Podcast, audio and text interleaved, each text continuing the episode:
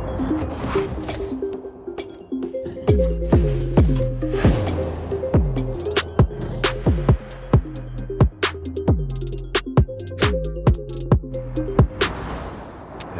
Träffat dem så. Nej, Men det är liksom nej, jag förstår. Nej, men det, är- det är 43 som 000 att träffa- personer som sagt. Exakt. Du, intressant. Jag tycker att vi vänder upp och släpper in publiken. Hörrni, varmt välkomna. Fönster mot medievärlden står öppet igen. Idag, eller denna gång, mot en vecka som inneburit historiska medienyheter. För i veckan blev det klart. Telia och TV4-affären godkändes av EU-kommissionen och blir nu verklighet istället för prat. Vad betyder det för det svenska medielandskapet framåt? Om det ska vi såklart prata. Vi får också en rapport från Shanghai där Tom Chong har tittat närmre på kinesiska Singles Day, världens största shoppingdag som skickat medier i spinn eh, och där livestream driver e-handeln till nya bokstavliga världsrekord. Men först, vi pratar ofta om dem. Idag ska vi prata med dem. Facebook är här och jag säger varmt välkommen till John Severinsson. Tack så mycket, kul att vara här. Eh, kul att ha dig här. Eh, du är chef för eh, Facebooks mediesamarbeten i Norden. Det stämmer. Vad betyder det? Det betyder att jag är den kontaktpunkt som medieföretag har när de använder vår plattform. Det är ju många medier som använder Facebook för att nå publik och nå, eh, liksom utöka publiken, men också för att tjäna pengar. Ehm, så då är det mig och mitt team som man kontaktar. Eh, intressant, i måndags den här veckan så, så var det, då var ni tre Facebook-chefer eh, som mötte pressen kan man säga för första gången på Publicistklubben. Varför gjorde ni det?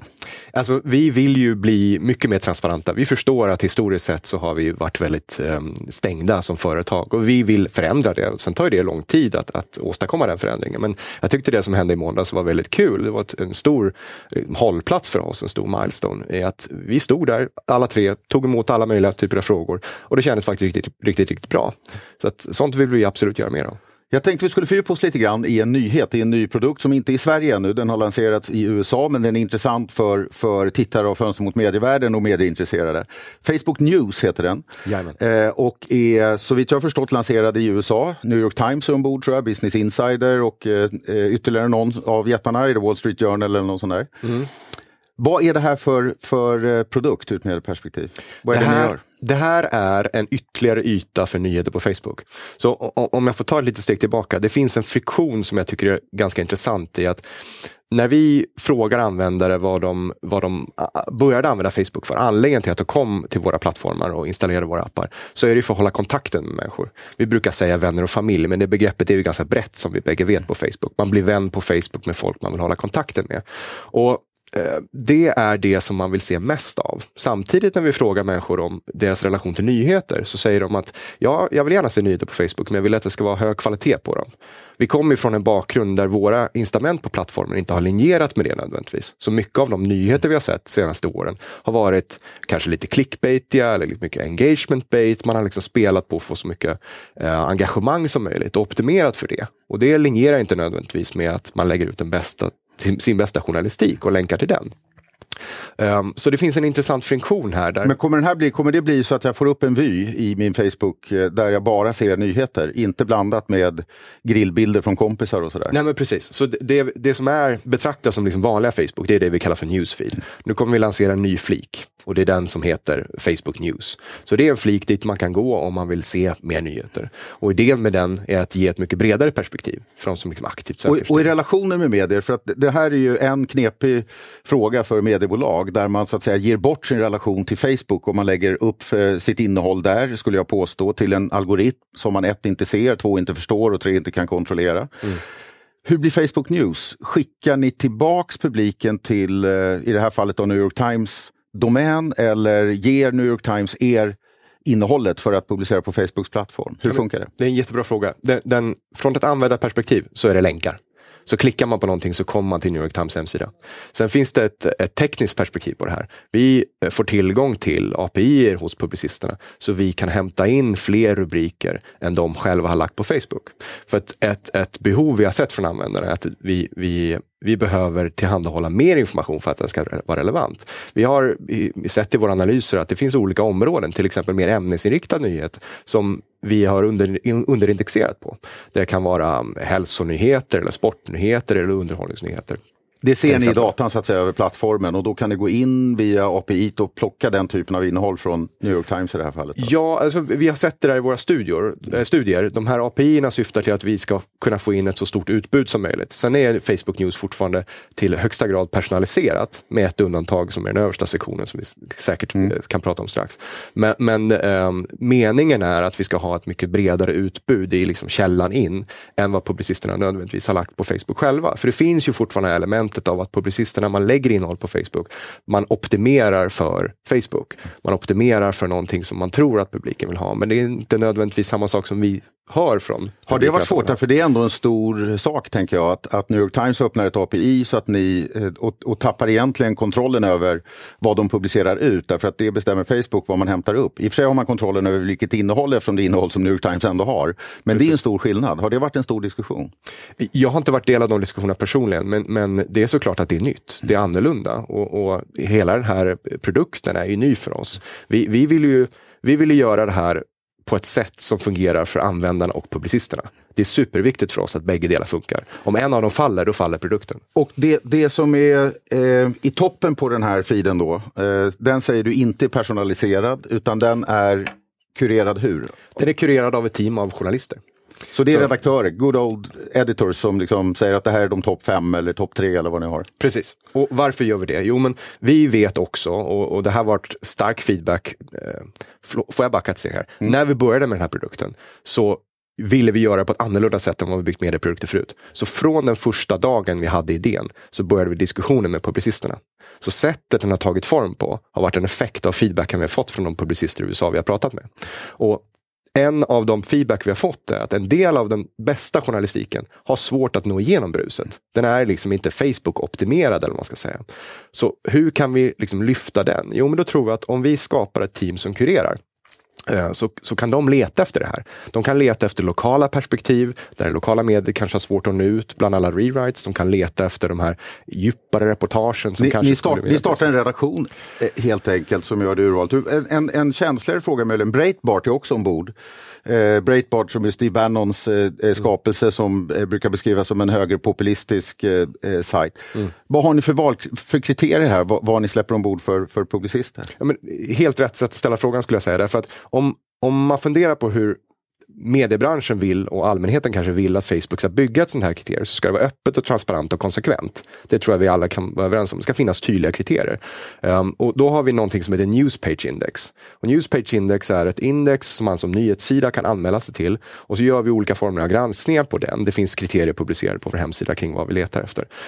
Några av de kriterierna bygger på att man inte kan ha publicerat innehåll som har markerats som falskt av våra faktagranskningspartners. Och man kan heller inte ha publicerat innehåll som vi sedan har plockat ner för att det bryter mot våra regler. Så det är ju liksom del av de här kriterierna. Men bortom det så tycker vi att det här ska vara brett tillgängligt för alla nyhetssidor. Sen vet inte jag specifikt om Breitbart hur den diskussionen har gått eftersom jag jobbar med Norden och, och Nordamerika. Så, och du jobbar med Norden, när kommer det här till Sverige? Det, det, vet vi inte än. Det finns inga sådana planer därför att det här är så pass nytt och stort och vi vill testa i USA först. Men som jag sa när vi började när vi hade den här idén från början så var det viktigt för oss att direkt sätta igång diskussionen. Så det är allt annat än säkert att om den kommer till Sverige att den ser likadan ut. Um, så att det, det, där, det får vi helt enkelt se. Jag, jag förstår. Du, till den större diskussionen om relationen medier och eh, Facebook. Eh, vi hade förra veckan eh, gäst i fönstret, Karin Pettersson som är policychef på, på Schibsted. De har skrivit en rapport mm. eh, som eh, egentligen ställer den stora frågan där Facebook har gått från typ eh, att frälsa världen på ett nytt sätt till att bli ett hot mot demokratin. Ni sprider hat, hot, terror och så vidare. Och, och eh, det har varit en stor eh, debatt. Zuckerberg har åkt runt i Europaparlamentet, congressional hearings och, och försvarat sig mot demokratin. Min poäng här, eller min fråga här är att hon menar att, att det finns ett medverkaransvar, eller borde finnas ett medverkaransvar. Frågan om Facebook är en publicist eller en plattform leder fel. Mm. det är ett socialt nätverk eh, och man menar att ert sätt att ta ansvar framåt är någon slags medverkaransvar där ni på ett sätt då bli ansvariga för vilka som sprider eller vad som sprids på plattformen. Hur, hur ser du på det? Just reglering och policies är inte riktigt min hemmaplan, men från ett nyhetsperspektiv så, så har vi såklart ett ansvar för att medieinnehållet som finns på vår plattform inte orsakar skada för någon. Eh, så det är liksom ett, ett grundläggande ansvar. Och när vi pratar om det här med är vi publicist eller inte, blivit medieföretag? Så är ju vår syn på att nej, vi är inte ett medieföretag. Vi, vi har, nu anställer vi ju tidigare journalister som vi kallar för kuratorer. De leds av en, en väldigt välrenommerad journalist som heter Ann Kornblatt, som var på Washington Post i många år och vann en Pulitzer bland annat. Um, men det gör oss inte till ett medieföretag. För och vi hon blir inte ansvarig ingen... utgivare. Ansvariga utgivarna i den här Facebook News är publicisterna själva. I, jag, i den delen. Jag tror att nu ställer du frågan utifrån nordiskt perspektiv för vad en ansvarig utgivare är. Men nu pratar vi om USA, så där ser det inte riktigt likadant ut. Jag vet inte exakt vilka benämningar man har, uh, man har där. Men det är hon som leder det här teamet. Mm. Och, och jag menar, vi gör ingen hemlighet av att hon är journalist i grunden och att de vi anställer är duktiga journalister. Men vi är inte ett företag som skapar innehåll. Det är det här teamet syftar till, det är att välja ut det, den bästa av journalistiken. Men för att kunna göra det så behöver man ju vara journalist och mm. förstå. Vad vi också vet är viktigt är att för att kunna göra det här så måste man förstå den marknad man agerar i. Um, man måste liksom sitta i det landet eller åtminstone läsa mycket om det landet och kanske vara därifrån kulturellt. Men ska man se de här satsningarna när ni nu eh, gör en satsning på att få en ny relation med medier så att säga. Ingår det i Facebooks eh, ska säga, sätt att försöka bli en god kraft i världen igen efter att ha beskrivits som, en, som ett, eh, eller har blivit ett demokratiskt problem. Är, är det här ett sätt att ta ansvar? Ja, alltså, man, man, det finns ett annat sätt att ställa frågan på. Varför är nyheter viktigt för Facebook? Och det finns ju både ett, ett filosofiskt perspektiv eller, eller, ett altruistiskt perspektiv. Att nyheter är viktiga för en fungerande demokrati. Mm. Och vi förstår ju som ett stort företag att vi har en viktig roll att spela där. Vi är en maktfaktor i, i, i demokratier runt omkring i världen. Så att nyheter är viktiga från det perspektivet. Men tillbaka till vad jag sa om varför, användare, varför människor finns på Facebook man vill ju prata med nära och kära om det man bryr sig om. Det, det vet vi, men vad jag menar här med publicist, publicistiken, är det här ett sätt att, så att säga, motverka, ni har också riktig journalistik ombord på plattformen.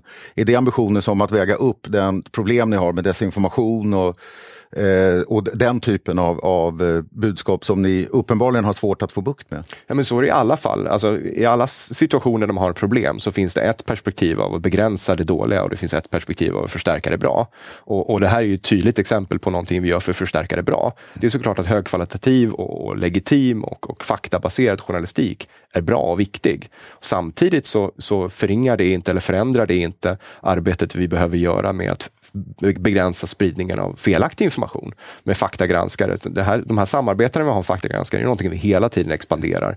Ehm, jag, jag, kan inte hålla koll på hur många länder vi har expanderat till nu. Jag tror att det är över 50 länder i alla fall runt om i världen. Det är, det är nästan ett oöverblickbart stort univers. Du, en, en sista fråga bara. 2,3 eh, miljarder tror jag sista siffran jag såg är, ligger nu på Facebooks plattform.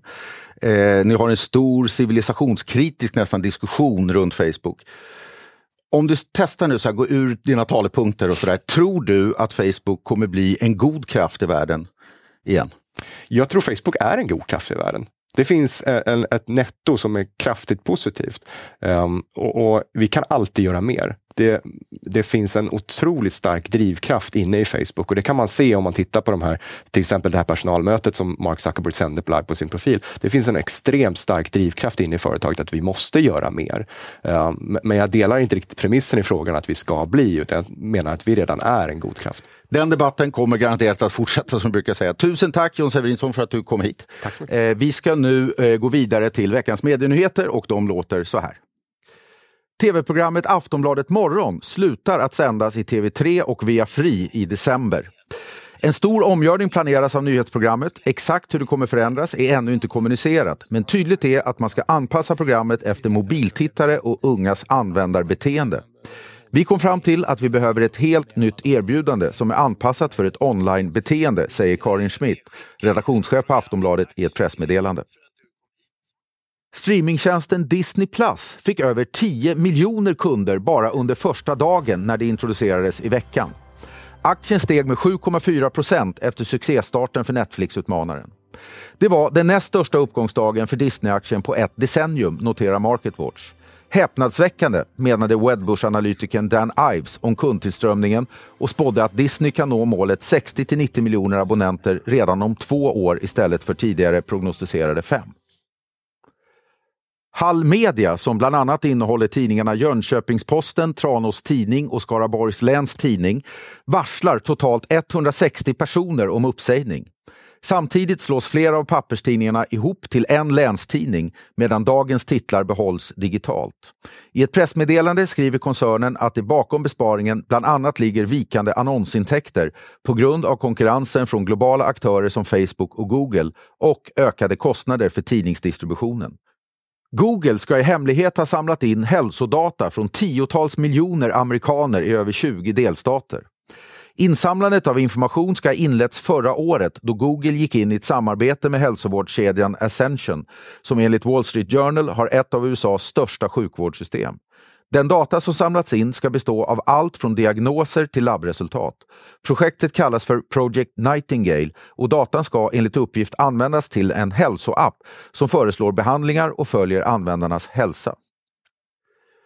Felix Herngrens produktionsbolag FLX ingår en djupare kundrelation med Netflix. Den amerikanska streamingjätten kommer att ha ett antal svenska serier på sin plattform och FLX kommer att ligga bakom tre av dessa. Störst av allt är en av dem och lanserades på Netflix i våras, rapporterar DI Digital. FLX omsatte mer än 250 miljoner kronor förra året och gjorde en vinst på 19 miljoner. Marknaden för svenska dramaserier har exploderat och det är streamingtjänsterna som driver det, säger Pontus Edgren, VD för FLX.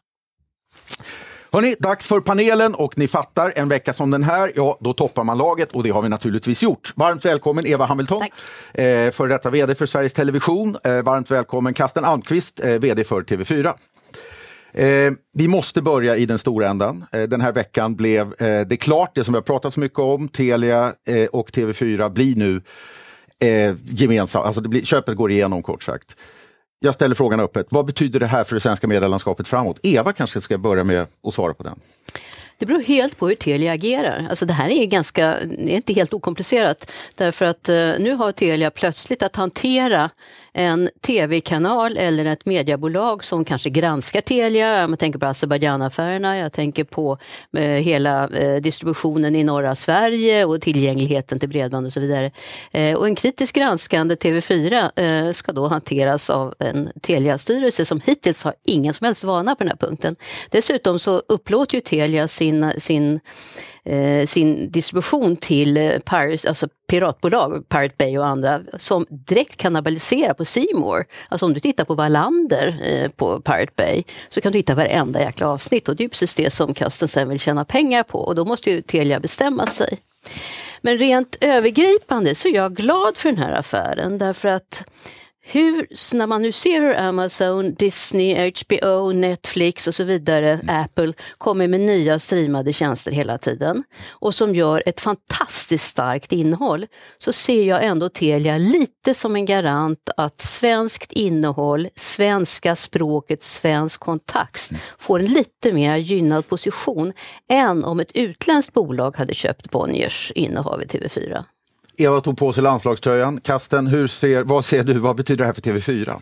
När det nu blir verklighet? Det här är ju vår lösning på hur vi ska liksom säkra en robust förmåga att även i framtiden stå för de bästa svenska berättelserna. Ursäkta Janne, men vi tycker att vi är riktigt bra på det.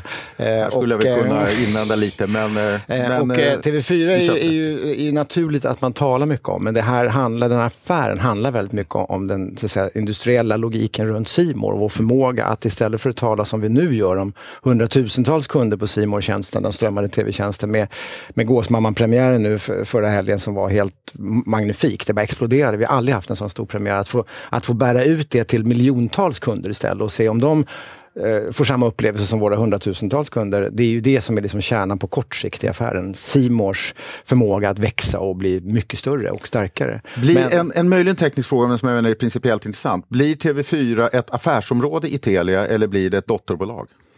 Eh, i vardagsarbetet, eh, när vi ska liksom hitta de här industriella synergierna och, och, driva verksamheten så är vi liksom i allt väsentligt ett affärsområde. Men strikt formellt, legalt, så är vi ett massmediebolag, vilken är en teknisk term som garanterar att vi är skyddade av yttrandefrihetsgrundlagen och att jag fortsätter precis som idag att vara ansvarig utgivare. Det vill säga exakt samma modell utifrån det publicistiska oberoendet som Bonnier har praktiserat. Jag tänkte att den stora skillnaden här är, kommer ni åt Telias data data. Det blir lättare om ni opererar som ett affärsområde. Eh, kommer det att bli så? Kommer vi att se nu en, en rad liksom, samarbeten mellan Telia och TV4 på, som opererar på Telias enorma liksom, det, är hela, det är väl hela vitsen med affären? Jag skulle säga det, det är inte hela vitsen. Vi har, vi har inte prata så mycket om den helt korrekta stora potentialen som Janne beskriver eh, i den data som finns. Utan vi har talat mycket mer om, om de kundrelationer eh, som, som Telia har. Det vill säga mobil och bredbandskunder och tv-kunder. Och det är liksom på kort och medellång sikt potentialen. På lång sikt, ja, så ser vi stor potential i framtidens annonsaffär på TV4 Play. Att den kan bli smartare, mer personanpassad med hjälp av en begåvad och varsam och GDPR-säkrad hantering av den fantastiska datasjö som, som Telia har. Ja, men den ligger inte faktiskt inne i det här synergicaset som, som Telia har presenterat, det vill säga 500 miljoner i synergier intäktssidan och 100 på kostnadssidan. Den finns inte med där, utan det ligger längre bort. Du var inne på det Eva. Eh, eh, vi ser ju nu en enorm tillväxt av, av streamingtjänster. Disney Plus lanserades i veckan. Eh, också med en telco-jätte, dock inte samköp utan Verizon. Eh, om, du tar, om det är amerikan och tar ett eh, telefonabonnemang via Verizon så får du Disney Plus gratis i 12 månader. Dock med en svensk chef, Hans Westberg. Med Hans Westberg, exakt, före Ericsson-chefen. Eh, smart bundling skulle det visa sig för de tog 10 miljoner kunder på första dagen och Disney-aktien sköt rätt upp i höjden. Eh, och vi kommer se mer av det här. AT&T och HBO Max kommer gå ihop, Apple TV Plus kommer lanseras. Jag skulle vilja ställa en klassisk... Har lanserats tror jag till och med i, Har, i, Sverige. Apple TV ja. Plus har Ja. lanserats. HBO Max återstår. Precis. Men, men Andra kvartalet nästa år. eh, precis, för att ställa en klassisk SVT-fråga. Hur många våldtjänster tål Sverige? Ja, men det är faktiskt en väldigt bra fråga därför att eh, Seymour ska nu konkurrera med Disney. Disney, världens starkaste innehållsleverantör som dessutom sitter på ett bibliotek, jag säger bara Star Wars, som de så småningom naturligtvis kommer att göra tillgänglig för svadtjänster. Eh, och eh, Netflix just nu håller på med två, eh, först då den här succén Störst av allt och nu håller de på med två långfilmer med SF. En som heter Red Dot som handlar om eh, ett äventyr i fjällen och en som heter ja, Snabba Cash. Och då så med de här amerikanska jättemusklerna med alltså budgetar som är 10, 15, 20 gånger större än vad den bästa svenska filmbudget någonsin är. Så det är klart att det här kommer att bli, och svenska folk blir allt mer eh, engelsktalande, det kommer bli jättesvårt. Och jag skulle vilja se, nu börjar jag liksom, jag bli så här politiskt arg, för jag ser inte en aktiv kulturpolitik där man ser det här hotet, till skillnad från Norge som har förstått det för länge sedan. Eh, och de eh, Frankrike är ju klassiskt på det här området, att värna det franska språket. Ja, är det någon, alltså du kommer att få en fantastisk möjlighet med, med Telias eh, kunddata, ja, men sen har du att slåss mot de här gigantiska amerikanska Men innehållsleverantörerna. du har, du har helt rätt Eva och det är ju själva grund orsaken till att vi tror så mycket på den affären och att vi ser den som helt nödvändig. Eh, det vill säga här skapar vi en nordisk spelare, svensk, finsk framförallt, som, som skapar sig en rimlig chans att med ett betydligt svenskare, mer lokalt erbjudande, framförallt med journalistik, drama, sport och, och allmän tv, kan ge de här jättarna en match. Vi hade inte fixat det på egen hand.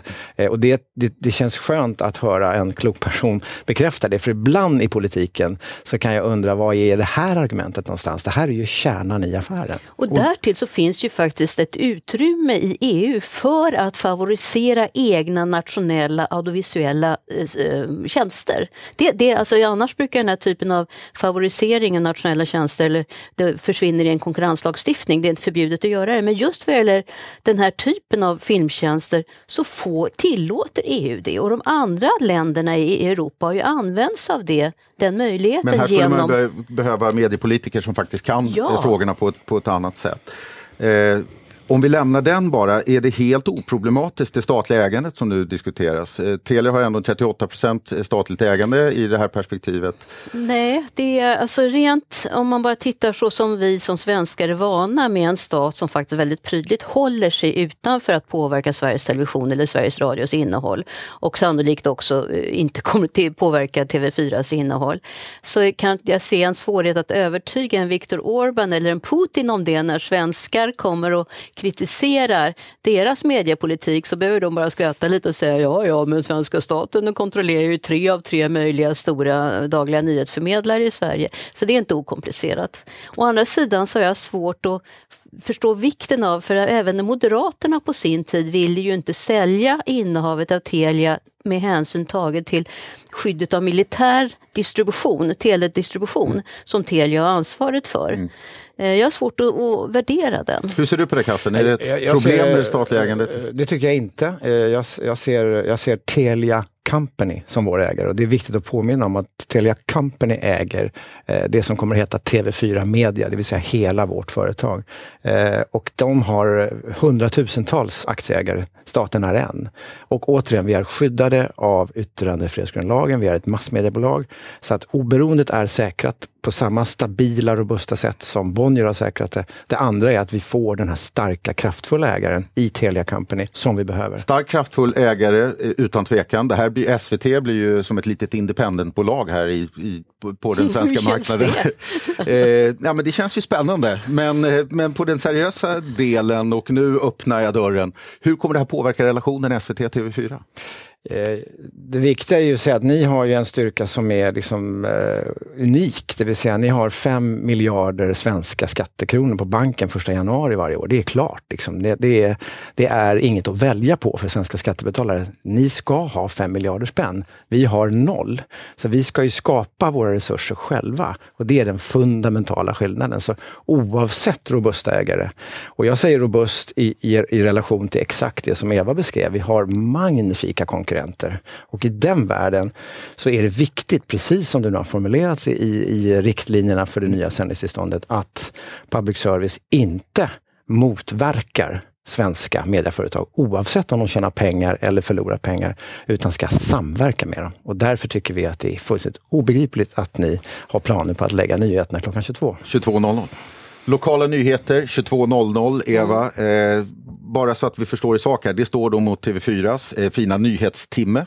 Eh, det här handlar om 10 minuter. Eh, om vi gör fem eller sex minuter lokalt och eh, några minuter rapport på slutet. Eh, vad är din syn på den här jag tycker det är ganska olyckligt. Just nu med det också den diskussion som, som råder om public service så, och om det nyhetsunderskott av seriösa nyheter och det är också TV4, eh, så är det olyckligt att lägga två, två stora nyhetsprogram, eller de två stora nyhetsprogrammen som TV förser svenska folket med på samma tid.